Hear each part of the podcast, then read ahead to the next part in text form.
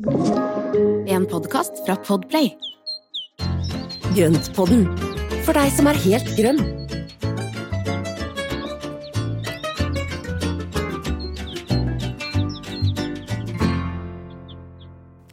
Hallo, alle sammen. Eh, Velkommen til Grøntpodden. Jeg holdt på å si vel- velkommen til vårpodden, det var helt feil, men jeg liksom har litt sånn vårstemning i dag. Ja, men det er vår. Det er vår. vår. Og ting begynner å blomstre, og det er, det er fantastisk. Altså, det blir jo ikke bedre. Det blir jo ikke bedre. Den Beste tiden på året er dette her. Ja, Når vi ser at naturen våkner. Ja, Ja. Alt våkner til liv. Åh, det er så deilig. Klart oss gjennom enda en vinter. Ja. Virkelig. Mm. Jippi.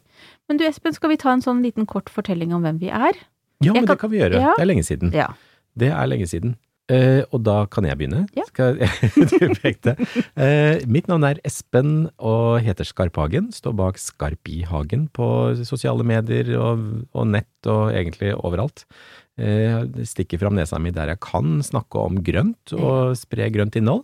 Og vi, Marianne og jeg, vi har jo da jobbet sammen i, for mange år siden i interiørmagasin som het Design Interiør. Ja. Og eh, så vi har en, en god base i interiørverden fra tidligere. Mm. Eh, og jeg er utdannet blomsterdekoratør, så jeg har jo da tatt med meg da både det estetiske fra interiørbransjen og blomsterinteressen som jeg har hatt hele livet. Mm. Eh, og da vi for eh, et halvannet til to år siden begynte å snakke eh, Nei, nå roter jeg fælt. Nei, men du kan godt si alt, du. Jeg vet jo hva du har tenkt å si. Du kan godt presentere hele hvorfor. Jo, nå, jo mindre jeg må si, jo bedre er det. du flytta jo nedover Ja. til Skåne. Mm. Eh, og fikk deg en stort, fint hus, en del av et gård, Mm. med da masse mark og det ene med det andre, og jeg fikk mye spørsmål fra deg på telefonen. Ja. Og det var veldig gøy, for at det, da var det jo veldig mye spørsmål som gjorde at jeg måtte også børste støv av litt gamle kunnskaper og liksom forklare på en god måte. Og så på et sted på veien så fant vi ut at dette her kunne vært en gøyal podkast, og det ble det. Mm. Det ble det, det ble det her. Mm. Grøntpodden, så vi nå er i gang med hvilken episode er det? 75? 75. Ja, nå er, vi, nå er nesten et lite jubileum, dette her. Ja, Fantastisk. Ja, det er jo det. Vi burde jo feira med et eller annet, Espen. Ja. Ja. Men du har jo en bakgrunn som journalist, og det Ja. er derfor du også Vi må si litt mer om deg, òg. Ja du da, si ja, mer. Ja, jeg heter da Marianne Heen Jonsgaard, og eh, har jobba i media veldig mange år. Det er sånn, det var ikke 2000-tallet når jeg begynte, så jeg holdt på en stund. Mm. Eh, og vært eh, journalist, nå er jeg frilansjournalist, eh, vært redaktør, eh, også jobba med masse sånn innholdsmarkedsføring og alt mulig sånn. Elsker magasiner, elsker god design, flotte, hyggelige, funksjonelle hjem og hage, planter, alt mulig sånn. Ja. Og så flytta da familien ned til Skåne, der vi bor på en gård. Vi er ikke blitt bønder, men vi driver pusser opp for fullt, og så har vi da fått noen gigantiske uteområder som eh, da gjorde at jeg måtte snakke ekstra mye med Espen, som jo er veldig hyggelig. Eh, du har hjulpet oss masse, altså. Ja, men det er Ja. veldig hyggelig å høre. Og nå koser vi oss med Grøntpodden, Ja. som vi utvikler videre. Og vi, ja, vi merker jo at det her eh, er liv laga.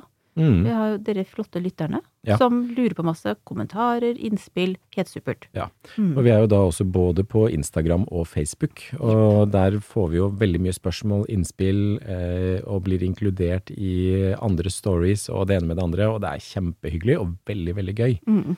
Så gøy å, og gøy å se all den responsen som vi får. Så Ja. veldig takknemlig for det. Ja.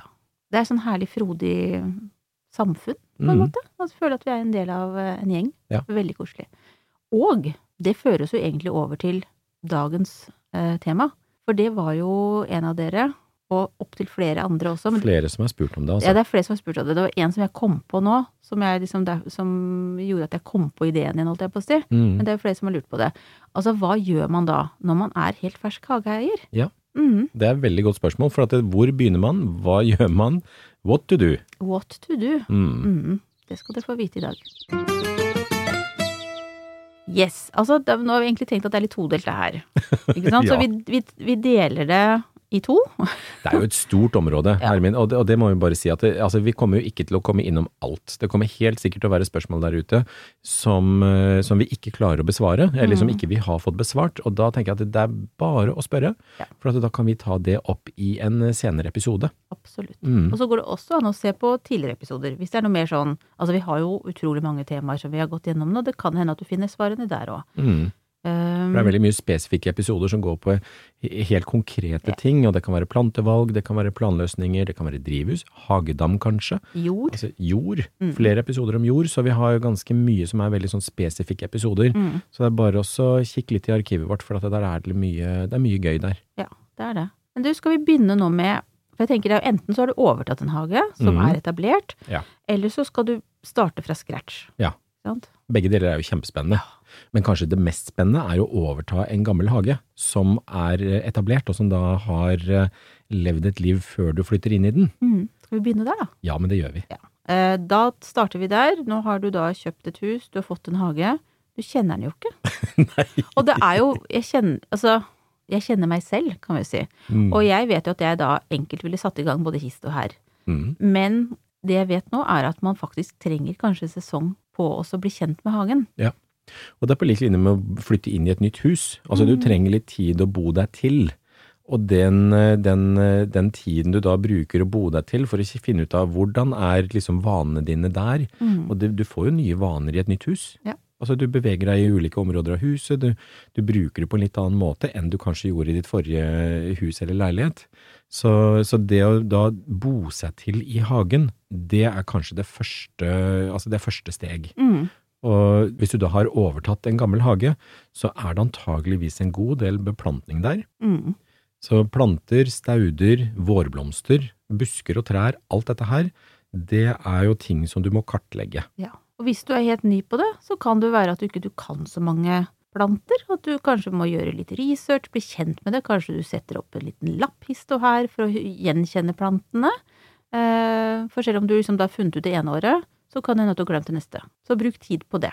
Ja. Altså, tegn gjerne, kanskje du tar, en bok, skriv opp, tegn opp en oversikt, eh, altså en, plan, en planløsning av hagen. En grovskisse, Ja. en grovskisse av hagen, det er kjempelurt. Og det du også bør investere i, det er en eh, bunke med merkelapper. Ja. Og en, eh, en vannfast og lysfast eh, tusj eller en blyant. Mm. Fordi når tingene blomstrer, så skriv på hva som blomstrer, og hvis ikke du husker hva, eller hvis ikke du vet hva det er for noe, så skriv på et nummer, og så tar du bilde, og så merker du det bildet med nummer på telefonen din. Mm. Da kan du, altså har du da eh, plante nummer tre som du ikke vet navnet på, ta bilde av den, og merk bildet med nummer tre, og så setter du nummer tre på lappen, og så stikker du den lappen ned der hvor den planta blomstrer. Og da går det jo også faktisk an å bruke det bildet til å gjøre et søk på Google. Ja, ja, ja. For eksempel. Eller, Eller spørre en venn. Ja. Eller et hagesenter. Eller Altså, hagesenter. finn ut av det. Ja, de Bruk aller fleste plantene er, er greie å, å, liksom å artsbestemme, altså. Og jeg, jeg vil ikke anbefale en del av disse sidene og gruppene på eh, i sosiale medier, for at der kommer det plutselig veldig mye rare svar. Eh, og det kan være veldig ymse svar. Og det er, noen er veldig påståelige og sier at ja, men dette er riktig. Så ta det med en klype salt. Hvis du finner en, eh, eller hvis du får et svar, så google gjerne selv etterpå, bare for å dobbeltsjekke det. Ja. Så bruk tid på det her, ikke stress i gang. Nei. Jeg forstår at det, det, det høres liksom ja, det er ikke det kuleste kanskje, men du kan få veldig mye uh, igjen for det, da. For Mhm. da er du bedre um, rusta for å så få litt dreis på hagen, og, og, og videreutvikle den. Ja, for at hvis du da har brukt, et, eh, altså brukt en sesong på å da bo deg til, bli kjent med hvilke planter som blomstrer til hvilken sesong, så kan du også se de hullene hvor du da kan sette inn nye planter, Mm. eh, og se at ja, men det her blomstrer til ingenting fra midten av mai til midten av juni. Mm. Da er det kanskje greit å finne noen planter eller stauder som da kan fylle det tomrommet, hvis du ønsker en hage med, beplant, eller med blomstring hele sesongen. Mm. Så det å da se når du noterer deg plantenavn, så noter også blomstringstidspunkt, for at det, det kan også variere fra hage til hage, avhengig av hvilken klimasone du bor i. Ja. Og en plante som da kanskje blomstrer i starten på juni, altså i syd i landet, vil jo kanskje litt lenger nordover blomstre i slutten av juni, begynnelsen av juli, sånn at det ser litt lokalt på hvordan det funker der hvor du bor. Ja. En annen ting er jo å bli kjent med jorda, altså Ja. jordsmonnet. Um, for det er jo ikke, jord er ikke bare jord. Nei. Stor forskjell. Ja. Og det kan jo da være leirjord, det kan være sandjord som er lett og blir fort tørr. Mm. Det kan være mulljord som er veldig fin, sånn lett og porøs eh, med mye organisk materiale i. Mm. Så det kan være ulike sorter av jord, og det er noe som gir et grunnlag for plantingen videre. Ja. Hva du velger av planter, og, Mm. og absolutt også vekstforholdene. Ja. Og det kan variere altså fra forskjellige steder i en hage også, så kan det jo være variasjoner. Så, så ja, se litt rundt omkring og bli litt kjent med det. Rot litt i jorda, se, stikk fingeren i jorda, som det heter, og, og kjenn på hvordan det, hvordan det er. Mm. Og så kan det også være områder i hagen som blir fort tørt, og så er det noen områder i hagen som kan da holde seg mer fuktig, for det kan også være grunnvannet som beveger seg på ulike måter, på, basert på da fjellformasjonene under jorda. Mm. Og det gjør at du kan jo ha områder i hagen som er mer fuktig, og dermed så kan tenke deg planter der som da er fuktelskende, fremfor da de tørreste områdene. Mm. Så mange sånne ting, og det er jo da dette med å bli kjent med hagen. Så første året, bli kjent med hagen. Eh, ta sånn vedlikeholdsarbeid, litt sånn småpusling og fiksing og ordning, hvis ikke du vet at du vil gjøre om noe med en gang. Mm. Eh, selvfølgelig så kan du jo også gjøre det, hvis du allerede nå vet at ja, men der vil jeg ha en platting, der skal det være et utekjøkken, der skal det være en kjøkkenhage for eksempel, så er det bare å sette i gang med det med en gang. Mm. Apropos det, så tenkte jeg at hvis det er da en etablert hage, så kan det jo hende at eh, uteplassen er et sted der du ikke vil ha den. Altså du eh, bruks, altså måten vi bruker ting på i dag, vil kanskje være annerledes enn det man gjorde hvis det er en hage fra 20-30-40 år tilbake. Ja. Så kan det hende at du også vil endre på det. Og også tenk på det at den gangen som de eh, planta et tre, da var det mindre enn det det er nå. Mm. sant? Så kan det også hende at du skal bruke tid på å se om du skal beskjære litt og sånn. Det kan hende at, sånn som du har snakket om før, at tidligere hadde du et fantastisk sted for å dyrke dufterter, Mm. lukterter, og, men det fungerte ikke lenger, for nå er det blitt så frodig der. Ja. Det kan jo også se på, er det noen planter i den eksisterende hagen som ikke trives så godt, så kanskje du skal se litt på, skal du flyttes litt på og sånne ting. Men det er sånn som du også bør vurdere kanskje den første sesongen da. Mm. Se på solforholdene. Mm. Se på solforholdene, hvordan det er, og hvordan det funker, og hvordan da plantene trives. Det er, det er kjempeviktig. Så er det også noen ting med, hvis du vet at du vil ha en type plante som kanskje trenger tid på å etablere seg, så kan det være greit å plante inn det også ganske tidlig, og så få kartlagt ok, hvor for eksempel jeg gjorde når jeg overtok huset, det er jo nå 15 år siden, da var det jo noen ting jeg ville ha. Jeg ville ha en eh, dam, jeg ville ha et drivhus, jeg ville ha en vinterhage, og så ville jeg ha drueranker. Mm. Jeg hadde kjøpt huset i februar, ikke sett hvordan det så ut egentlig med jord eller planter eller noen ting, så jeg ble litt skuffa, for det var veldig mye stein og fjell og ikke noen planter. Det var liksom, det var, det var nesten helt Så merkelig å tomt. tenke for, altså, se for seg nå, for det er Ja, jo så men det er- der. Ja, ikke sant? Og det var liksom dårlig jordsmonn, og det var liksom svært trampolinemerke der hvor da nå dammen er, og det var liksom, det var virkelig stusslig. Og det var jo fordi at de forrige eierne, de, de var ikke så opptatt av hage, og de hadde en hytte med fin hage. Mm. Så hjemme så var det bare, det skulle bare rulle og gå. Det var Ja. ikke noe vits i at det skulle, hagen skulle ikke holdes i gang. Så det var ekstremt eh, dårlig utvalg og, Mm. og sånne ting. Så jeg hadde jo da allerede i forkant kjøpt på hagemessa to drueranker som jeg gjerne ville ha med. eh, Og hadde jo da med meg en del planter fra balkongen min eller terrassen min i, i gamlebyen som jeg bodde da. Og så eh, fikk jeg da flytte inn 1. juni. 2. juni så planta jeg druerankene. For det hadde jeg allerede bestemt at så de skulle ned der, for de visste at de måtte ha tid på å etablere seg. Mm. Så det var jo da, mens pappeskene sto inne på hulter til bulter inne, så var jeg ute og grov i hagen. Forundrer meg ikke. Nei, ikke sant? Men det er jo noe med at da visste jeg hvor de skulle stå, for da hadde jeg allerede sett på solforholdene sett at men der skal de stå, eller der bør de stå for å trives best mulig. Og de har jo nå stått der i 15 år, og nå er det tjukke vinstokker som da gir masse druer hvert eneste år. Mm. Og de trenger tid på å etablere seg. Så hvis du vil ha noe som da, da trenger tid på å etablere seg, så få det i bakken så fort som mulig. Mm. Trær også. så. Trær, ja. Absolutt. Mm. Så det er, det er viktige ting også å gjøre. Og så ikke gape over altfor mye på én gang. Mm. Nei, altså hagen Det er også litt viktig. Etabler hyggelige hagerutiner. Mm. Altså ikke øh, det, er ingen, det er ikke noe godt å bli stressa over at du har overtatt en hage. Det er absolutt ikke noe godt. Altså, det er ikke noe godt å bli stressa med hage uansett. Nei. tenker jeg løper rundt som en jojo og prøver å skulle gjort alt sammen. Mm. Og det blir som å pusse opp inne, ikke sant. Hvis du begynner på alle rommene samtidig, altså hvor skal du da bo? Mm. Du, det, det, går jo ikke. Nei. Så du må jo enten så må du da ha en totalrenovering, eller så begynner du ett og ett sted. Og begynn med det nærmeste. Begynn med terrassen og balkongen og der hvor du bruker mest tid, og der hvor du tror du kommer til å bruke mest tid. Gjør det hyggelig der, og så ta neste steg. Mm. Det er liksom ett steg om gangen. Ja. Ta del for del. Og har du et rotehjørne, så la det være et rotehjørne til det er tid for å ta det rotehjørnet. Mm. Ikke, ikke stress med det. Nei. Men en ting jeg også tenker som kan være lurt å sette i gang med, er jo en kompost. Ja, Ikke sant? ja men det er alltid. Ja, Komposter. Det da- er kjempeviktig. for da er du i gang med å lage god jord for fremtidige sesonger også. Mm. Ja, det er kjempeviktig. Og det å, det å få i gang etablere kompost og, og, og resirkulering, det er kjempeviktig. Mm. Er det noe mer som man bør tenke på når man har overtatt en hage? Altså det er jo masse, da. Hallo. Det Men- er veldig mye, men det er Nei, det er, jeg tror, altså kort oppsummert så er det vedlikeholdet, kartlegge, eh, se hvordan dine rutiner blir, Mm. eh, og, og bli kjent med det stedet du har flyttet til. Ja. Kjenne etter hvordan du, du eller dere vil bruke hagen. Mm. Mm. Og så er det jo veldig gøy med da gamle hager, er at det ofte så finnes det en del skatter i form Mm. av gamle stauder som du ikke får kjøpt lenger, eller planter som du kan dele opp og, og flytte på og gjøre ting med. Altså det er jo, det er jo som en skattkiste noen ganger, altså. Mm. Det er sant, det.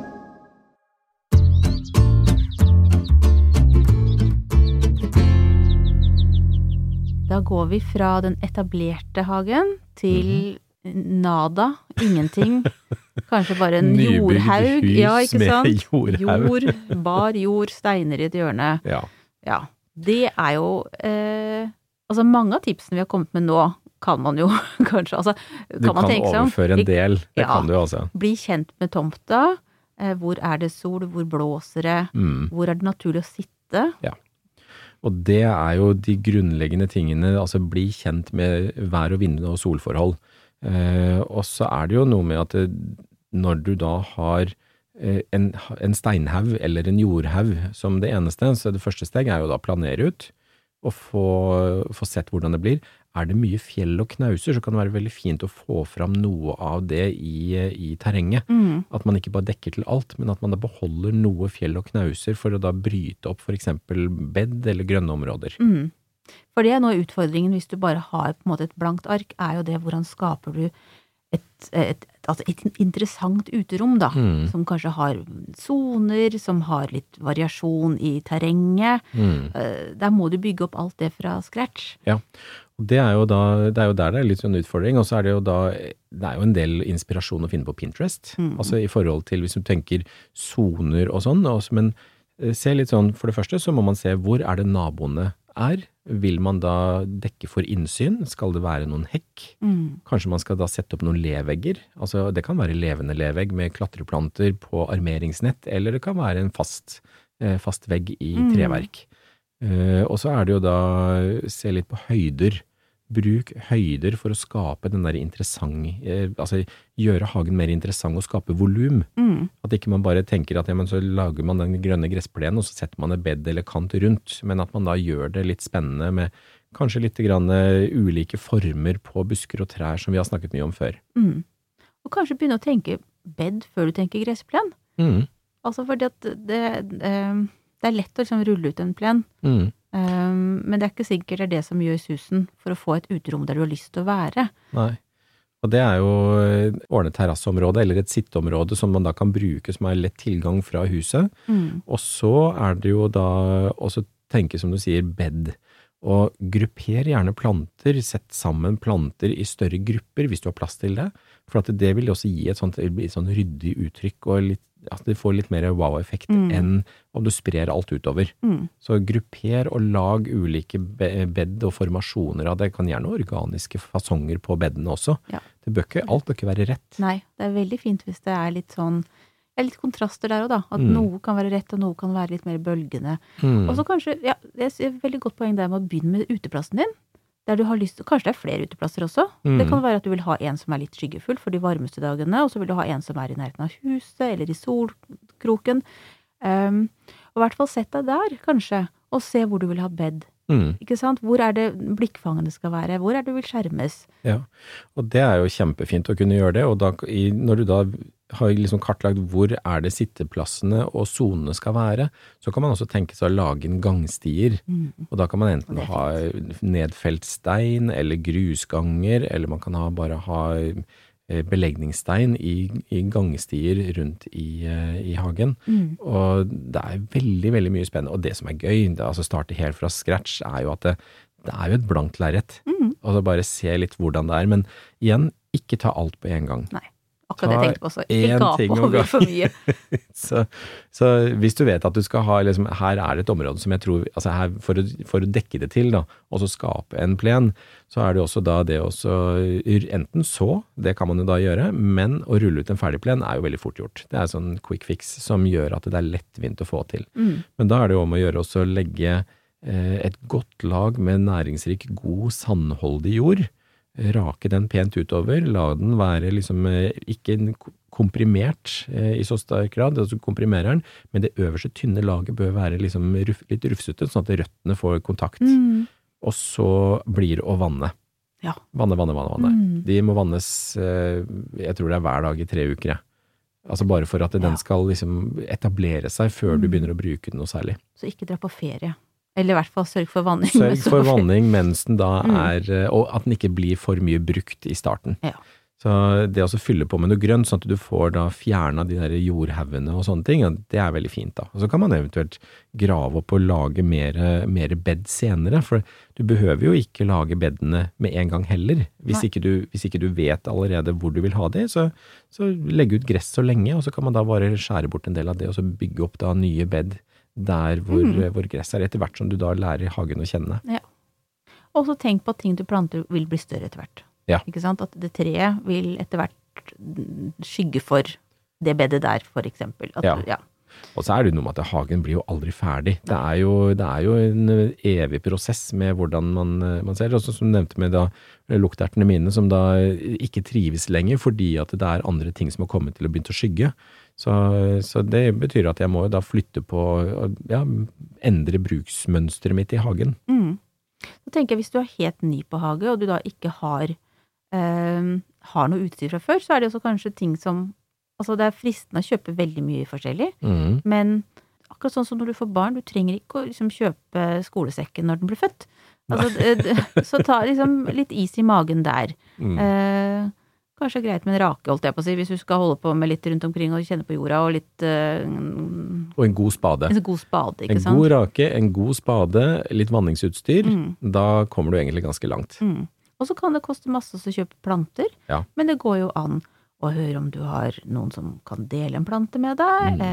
Eh, frø, som du sier. Da må du ha litt mer tålmodighet, men ja, ikke Plante, stress med det. altså planteloppmarkeder, Ja. hagelag. Meld deg inn i nærmeste hagelag, og, og begynn å være aktiv på, på liksom grupper og, og sånn i sosiale medier. Mm. Eh, og så bli, få liksom noen hagevenner. Mm. For det er jo da både lokalt rundt der du bor, men også da i området med, med da, altså hagelaget som er litt større område. Mm. For det er jo et sted hvor man da kan både få inspirasjon, det er masse fine foredrag, det er mange som da har lyst til å dele med seg og er ganske rause med delingen, fordi en av fordelene med å dele planter er jo det, en ting er det hyggelig å gi bort, men en annen er at det, når du da gir bort en plante, så har du en sikkerhet, for hvis du selv skulle miste den planten, så kan du gå og spørre om du kan få en stikling tilbake. Ja. Så det er liksom fin, herlig. eh, man har en liten sånn artsbank med Mm. sine venner.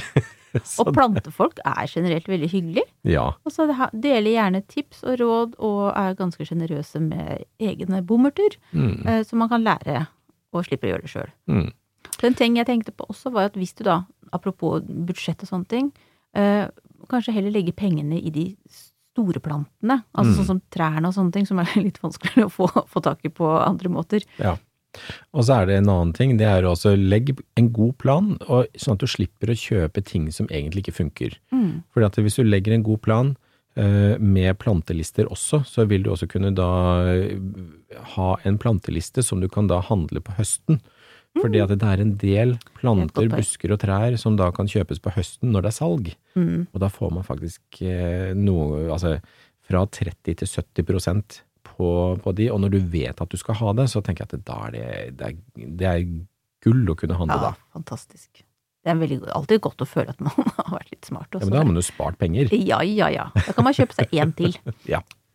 Nei, for det er jo ofte det, altså når du da skal kjøpe nye altså har du en helt blank eh, hage, eller en hage uten noen ting på, så, eller i, så, som, som, så er det en del å skulle fylle opp. Mm. Tenk, tenk eh, gjenbruk, tenk da at bytte, kjøpe planteloppmarkeder, kjøpe på salg, og så dele opp selv etter hvert. Mm. Absolutt. Mm. Bruk tid. Det er ikke noe, altså, det er jo lett å kanskje ha lyst til å ha den fineste hagen på det nye boligfeltet, men det er ikke noe konkurranse. Og ting tar tid. Hage tar tid å bygge opp. Mm. Og, Og blir aldri ferdig. aldri ferdig, og det er faktisk liksom noe man etter hvert syns er helt herlig. Ja. Man må liksom venne seg til denne eh, tankegangen at man ikke skal liksom komme i mål. Ja. Og jeg tenkte hvis det er et område med veldig mange nye hager, så går det også an å gå sammen flere, kanskje man, hvis man må leie noen maskiner eller noe sånt og så liksom altså dele litt på utgiftene. Ja, men det er et kjempepoeng. For at hvis du trenger en minigraver, så er det kjempedyrt å få Mm. den til hagen eller til stedet du bor. Hvis det er noen naboer i nærheten som skal gjøre noe, den samme, altså også ha noe gravejobb gjort, så er det, ja, virkelig. Mm. Gå sammen. Og det samme gjelder egentlig på en del redskaper, altså kompostkvern. Ja. Det er ingen mening at alle skal ha hver sin kompostkvern. Mm. Eh, Ja. Den koster gjerne flere tusen kroner. Kjøp en ordentlig en, spleise på den. En lite, liten gjeng i nabolaget som da kan dele på å bruke den eh, kompostkverna. Det kan være også en kjempeløsning, altså. Mm. Så sånne samme plenlufter. Ja. Det er også sånn, du bruker det én gang i året, og så, så henger den i garasjen. Det er jo liksom ikke er ikke, det er ikke det beste salgs... det- Nå, nå, nå selger vi ikke inn for disse som er leverandører, men akkurat det er sånne ting som gjerne kan kjøpes i fellesskap på, og byttes med, med de nærmeste naboene. Mm. Noen flere ting vi skal tipse om? Jeg syns ja. jeg helt hjernen min er tømt. Det kommer helt sikkert til å Ja, ja, komme opp noen spørsmål etterpå. Men eh, still gjerne spørsmål tilbake, fordi, eh, fordi det, er, eh, det, er helt, altså det er helt sikkert ting som kommer til å dukke opp igjen. Men jeg, tror, jeg håper og tror at dette er en god start. Jeg Syns det var en veldig god start, ja. Jeg kunne ønske jeg nesten, nesten ønske jeg hadde hatt en, ny hage jeg skulle starte. Det er veldig gøy, da. Å starte helt fra bunnen av. Mm.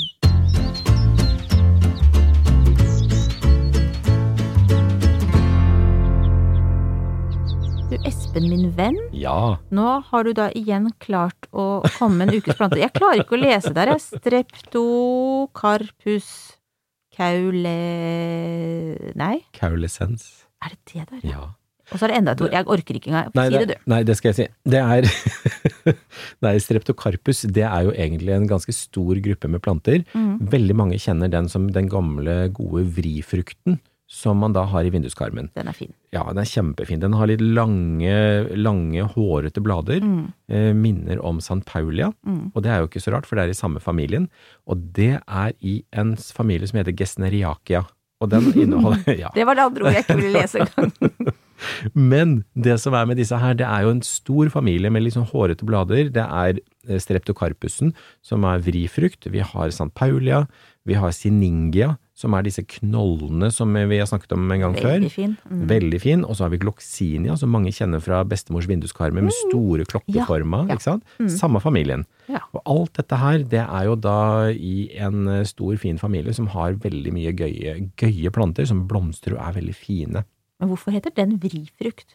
Jo, det er fordi at når den er bestøvet, så kommer det ut en frukt som Eller ikke frukt, da. Det er jo da frøkapselen. Mm. Og den er vridd som, en, eh, som en hornet på en enhjørning. Altså, den er sånn vridd. Wow. Tenk ja. at du hadde svar på det her også. Ja. Jeg er så imponert. Ja, det, så det, det er veldig gøyal. Så, det- så den er jo vridd, og så når da den modnes, så sprekker den opp, og da spruter frøene rundt. Og dermed så, så vil, den, eh, vil den kunne få det. Og derfor så heter den eh, vrifrukt. Mhm. Mm. Og det som også er med denne her streptocarpus caulescens, som, eh, som jeg da hadde lyst til å ha som ukas plante nå, er at den blir også kalt for nikkende fiol. Mm. Nodding violets. Og den har eh, små blålilla blomster med en liten antydning til, eh, til hvit midt. Og de er, eh, den er, altså det er en, de har små, runde, hårete blader som vokser parvis på stilken. Mm. Så får den da, den blomstrer hele sommeren. Jeg har den ute, Ja. eh, og den liker ikke under ti grader, så den skal ikke ha det for kaldt. Men jeg har den ute i, og jeg tar masse stiklinger, og det er grunnen til at jeg kom på noe, at jeg har tatt masse stiklinger i fjor høst. Nå har jeg et helt brett, for jeg skal fylle en svær krukke med de som står på skyggesiden av huset. Å, så fint. Og den blir så fin, og den vokser jo da bare fra et blad. Hvis du tar en stikling som bare er et blad, setter ett blad, stikker i jorda, Mm. så går det, går det noen uker, og så titter det opp en ny plante. Så den er enkel å ta stikling av. Veldig enkel ja, å ta stikling av. liker vi jo. Så vrifrukten er veldig enkel, bare en bit av et blad er nok Mm. til å få en ny plante. Så den er kjempefin. Fantastisk. Og denne her er jo da en, eh, en plante som, eh, som da står ute hele sommeren hos meg. Og så har jeg en innunder plantelys på vinteren, for da har jeg bare et par stiklinger som står og går. Og så lager jeg da nye stiklinger tidlig på våren. og så planter jeg de opp i hver sine potter når eh, Ja, det gjorde jeg nå i starten på april.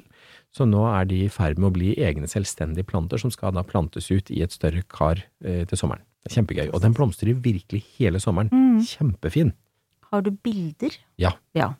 Bilder har jeg. Ja. Og den er, eh, den er absolutt verdt å få tak i. Jeg kjøpte den for noen år siden, og så har jeg da bare videreforedla den, eller videredyrka den med da nye stiklinger. Mm. For at morplanta blir ganske stygg etter en sesong. For at Ja. da blir den litt sånn lang og slengete Ja. og sånne ting, for da er den Den har produsert hundrevis av blomster, Mm. så den er jo sliten. Så det beste er å bare ta toppskudd, sette i, i jord, og så sette under plantelys, og vips, så har du nye planter. Fantastisk. Mm. Som fembarnsmor så følte jeg meg litt truffet. jeg har heldigvis ikke bytta ut ennå. Ikke sant? Men den er, den er veldig, veldig gøy, altså. Så den kan anbefales, og er en eh, superenkel plante. Og så er det gøy å se disse her vanlige vrifruktene, de der som da, de, altså de mer gammeldagse, de kommer jo mer og mer tilbake. mm. Vi ser jo det at en del av trenden på, på inneplantene er at mer av de gamle plantene er på vei opp igjen. Mm. Jeg syns det er veldig hyggelig, for det er mange av de som er utrolig fine. Mm. Det er vel det at vi ser dem med nye øyne nå. Vi Mm. har, ikke sant, at vi har um, Vi har ikke noe mange Hva heter det? Altså, vi har ikke vokst, kanskje ikke vokst opp med dem på en måte, da, eller vi har hatt en pause fra dem i hvert fall. Ja. Så ser vi dem med nytt blikk. Mm. Jeg tenkte på det med moren min, hadde fått eh, besøk av min eh, eh, nevø Mm. og kjæresten hans, og da hadde de med seg en herlig bukett med nelliker. Og det var så morsomt, for mamma, mamma har jo ikke kjøpt det på mange år, ikke Nei. sant? For ja, vi, vi har jo liksom Vi som har noen år på oss, eh, vi har, har vært med på at nelliker liksom har vært litt sånn kjedeligere. De har vært litt bannlyst, og Ja. jeg syns det er dårlig gjort, for at nellikene har jo ikke gjort noe galt. Nei, De er så fine, og Ja. de står lenge, og det er Mm. masse nye, det er masse nye sorter, eller varianter av de. Mm, mm. Og de krysses jo fram masse nytt, og de, og de Altså, gi meg en annen bukett da, som står i tre til fire uker. Nei, altså, det var så nydelig, og så lange stilker, og så det var litt masse forskjellige farger, og de nei, det var kjempefint. Ja.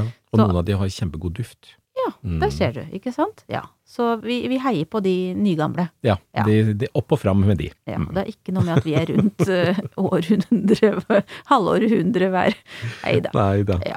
det, det, er Men eh, det er veldig gøy å se, men det har vi snakket om før når, når vi hadde liksom plantetrender og sånne ting, altså inneplanter. Mm. Det er jo det at det går i bølger, men det som har skjedd nå de siste årene, er at det flere og flere ting Altså man adopterer en del av plantene fra de ulike tidsepokene, Mm. og så har man da fått en mye større bredde nå enn det man har hatt noen gang. Ja. For det har vært veldig sånn strikt eh, fra, eh, fra tidsperiode til altså tiår til tiår på Mm. hva som er populært. Men nå er det store blader, grønnplanter, blomstrende planter. Det er liksom rubbel og bit Ja. er med på å, å komme, komme i gang. Det eneste som jeg ikke har sett så mye av, det er disse lucky bamboo-greiene. De der pinnene med den snurren på. Ja. Det er kanskje helt ikke greit. Ja, det er kjempefint. Ja. Alle får lov til å være med nå. Ja, Ja. og det er liksom, det er liksom det er raust og inkluderende, og det Ja. liker vi i planteverden. Mm. Det skal det være. Over til ukens spørsmål. Ja, og det har Så- vi kuppa. Ja, vi har kuppa det, vi, for vi har har vi. lyst til å lage spørrepod. Ja. Ja. Det var jo så mye respons sist vi gjorde det, så jeg Mhm. tenker at det må vi gjøre igjen. Og vi har jo sagt at vi skulle gjøre det igjen. Så det vi har lyst til, det er å ukas spørsmål, det kupper vi, og så sier vi det at send inn spørsmål. Ja. Har dere spørsmål, så, så plukker vi ut en god bunke som vi da kan eh, fylle en eh, episode med. Ja. Og den kommer jo om et eh, par uker, nei, ja, si Vi legger den litt fram i tid, så vi, folk Ja, sånn at vi tid får til tid å, til å så få noen spørsmål. Ja, så kan det hende at vi minner om det her også i en episode til, før Ja. vi setter i gang. Eh, send det som en direktemelding på Instagram eller Facebook, Ja. eh, slik at vi ser dem. Og du kan gjerne liksom begynne med sånn spørrepod, så at vi fanger det opp ordentlig. Ja, for at, sånn at ikke vi går glipp av noe. For Mm. det, det er veldig fort. For det, det er jo veldig mange veier det kommer meldinger både på, på, på Instagram og Facebook. Det kommer direkte meldinger, og det kommer på, i, i kommentarfeltene. Og det kommer litt ulike steder. Så akkurat til dette her så hadde det vært kjempefint å få, få et lite stikkord med spørrepod, og så et spørsmål mm. til det. Ja. Så kommer det om ikke så lenge. Så bra. Mm. Men du Espen, hva gjør du nå? Nei, nå er det full fart med herding. Det er ting herdes. Jeg har masse spøkelser rundt ute på terrassen og ute i, ute i hagen, og det er jo da hvit fiberduk som dekker over og flagrende gevanter rundt i hagen. Halloween på helt feil årstid. Halloween. Det er vår-halloween. Så nei da, det er, eh, ja, det er litt sånn. Fordi det er jo noe med at alle de plantene som da har stått og vært forkultivert inne, altså som har vært dyrka fram nå for å liksom eh, blomstre godt og, dy og bære godt med avling og sånne ting, det skal jo ut. Mm. Og den overgangen ut er jo ganske brutal. Det skal vi jo snakke litt mer om også, sånn at vi, vi har det på, på blokka. For at vi har det som da også neste episodes tema. Ja. Det er hvordan og hvorfor og, og hva å gjøre. Mm. Så det er jo jeg i full gang med nå. Du forbereder deg til episoden. ja. Jeg har Hyggelig av deg å gjøre det. Ja, men ikke sant. Det er veldig bra. Men naboene syns det er sikkert kjempegøy, for at det, liksom, det, det henger jo ting overalt. Så det, er jo, det, ser, det ser jo ikke pent ut i første, altså den første starten, men det blir bra. Ja. Det gjør Det er en altså. del av det. Ja, Mm. det gjør det. Men du da, hva gjør du? Ja, altså jeg har da tenkt jeg skal begynne å male deler av drivhuset. Oi, altså dette gøy. endeløse prosjektet som bruker Altså det er sneglefart på det, men i fjor så tok jeg og skrapte alle disse tre Hva heter det? Sprossene? Sprossene. Ja. Eh, og så oljet jeg dem. Så nå har jeg tenkt jeg skal begynne å male dem. Altså, jeg har ikke fått tatt alle, for at jeg trenger en sånn derre Sånn heis, vet du, eller sånn derre Lift? sånn, ja. eh, kom om. Ja. Det er jo svært drivhus, Ja, da. det er så svært. Så jeg tenkte at liften tar vi liksom til slutt, når Ja. vi må ta alle de på toppen. Men resten som jeg når, skal nå males. Og da har vi da, etter veldig mye frem og tilbake, så tenkte vi faktisk vi skal male det brunsvart. Oi, For det er, passer der. Ja. Um, ikke grønt. nei, har vært innom det også. Vært innom hvitt, vært innom rødt. Men vi tenkte vi skulle prøve det. Ja. Jeg håper det blir fint. Men brunt er jo, brunsvart er jo brunt, det er jo kjempefint. Ja, og så var det det, jeg så hun derre, fader eller kom en ny bok tidligere i vår. Det er en som heter Marika Delin, som er en svensk eh, gartner. Mm. som nå har Hun har en hage i en sånn altså et skogsområde, da, og naturtomt mye. Men hun har eh, en, eh, en, et drivhus der som er da kanskje mørkbrunt, da. Jeg vet ikke, men i hvert fall er det ganske, så ganske kult ut. Ja, Eh, spennende. Ja, så jeg tror det kan bli litt fint. Ja. Mm. Har dere bestemt dere for glass? Er det, blir det glass eller polykarbonat, Jeg tror det blir polykarbonat. Det er Ja. på grunn av at vi skal jo ha svømmebasseng der inne, og Ja. våre barn sitter ikke stille i båten, for å si det sånn. Så jeg tror det kan være veldig lurt. Men jeg har veldig fortsatt kjenner, Jeg kjenner liten sorg når du spør om det, for jeg syns det er veldig fint med glass, men jeg Ja. tror det er litt sånn urealistisk. Men det er jo også noe med at hvis du skal dyrke noe der, så er glasset, der brenner sola mye Mm. mer enn polykarbonat. Og så i tillegg så har den da litt tjukkere. Så velger man den der 10 millimeteren, så vil den også holde litt grann på varmen, så det Ja. blir litt mindre fyringsutgifter og, eh, og litt lengre sesong. Mm.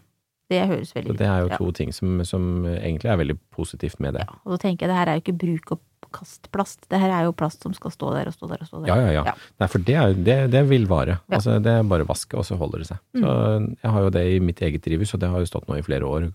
Kjempefint. Ja. Funker bra. Mm. Så bra. Men du, skal vi runde av nå? Ja, men det skal Hva vi syns- gjøre. syns Herre min, tida flyr. Ja. Altså, er vi er jo nok en gang så er vi i studio sammen, og det er så så det er hyggelig. så hyggelig. Ja, veldig koselig. Kanskje vi skal ta en kaffe etterpå, hvem vet. Ja, det kan vi gjøre.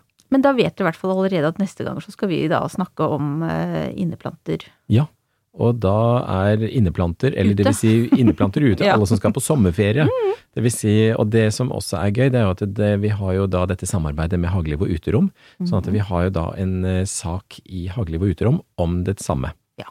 Slik at det går an å få det fra begge sider, og så er litt forskjellig vinkling og litt forskjellige ting i det. da. Så den, eh, vi kan anbefale utgaven av Hageliv og Uterom som kommer ut neste uke. Ja. Og da må jeg bare si, for selv om den kom for en stund siden, USBL-magasinet, for dere som er medlemmer der, der har jo vi en sak. eh, Vi har blitt intervjuet. Ja, Ja. det stemmer. Om terrasse. Mm, Terrasse og balkonghagen. ja. Så ja, veldig gøy. Så vi får lov å, å stikke oss fram litt, både litt her og der, Ja og det er vi kjempeglad for. Og jeg har vært i Bonytt med hjemmet mitt, det var veldig skummelt. Eh, Det ble veldig fint, da. Ja, men det var veldig lite hage. Mm. Eh, det får vi komme tilbake til en annen gang. men i hvert fall, nok om det. Nå skal vi skru av mikrofonen for denne gang. Mm, det skal vi gjøre, og tusen takk for at du henger med, og takk for i dag. Ja, ha det bra. Ha det bra.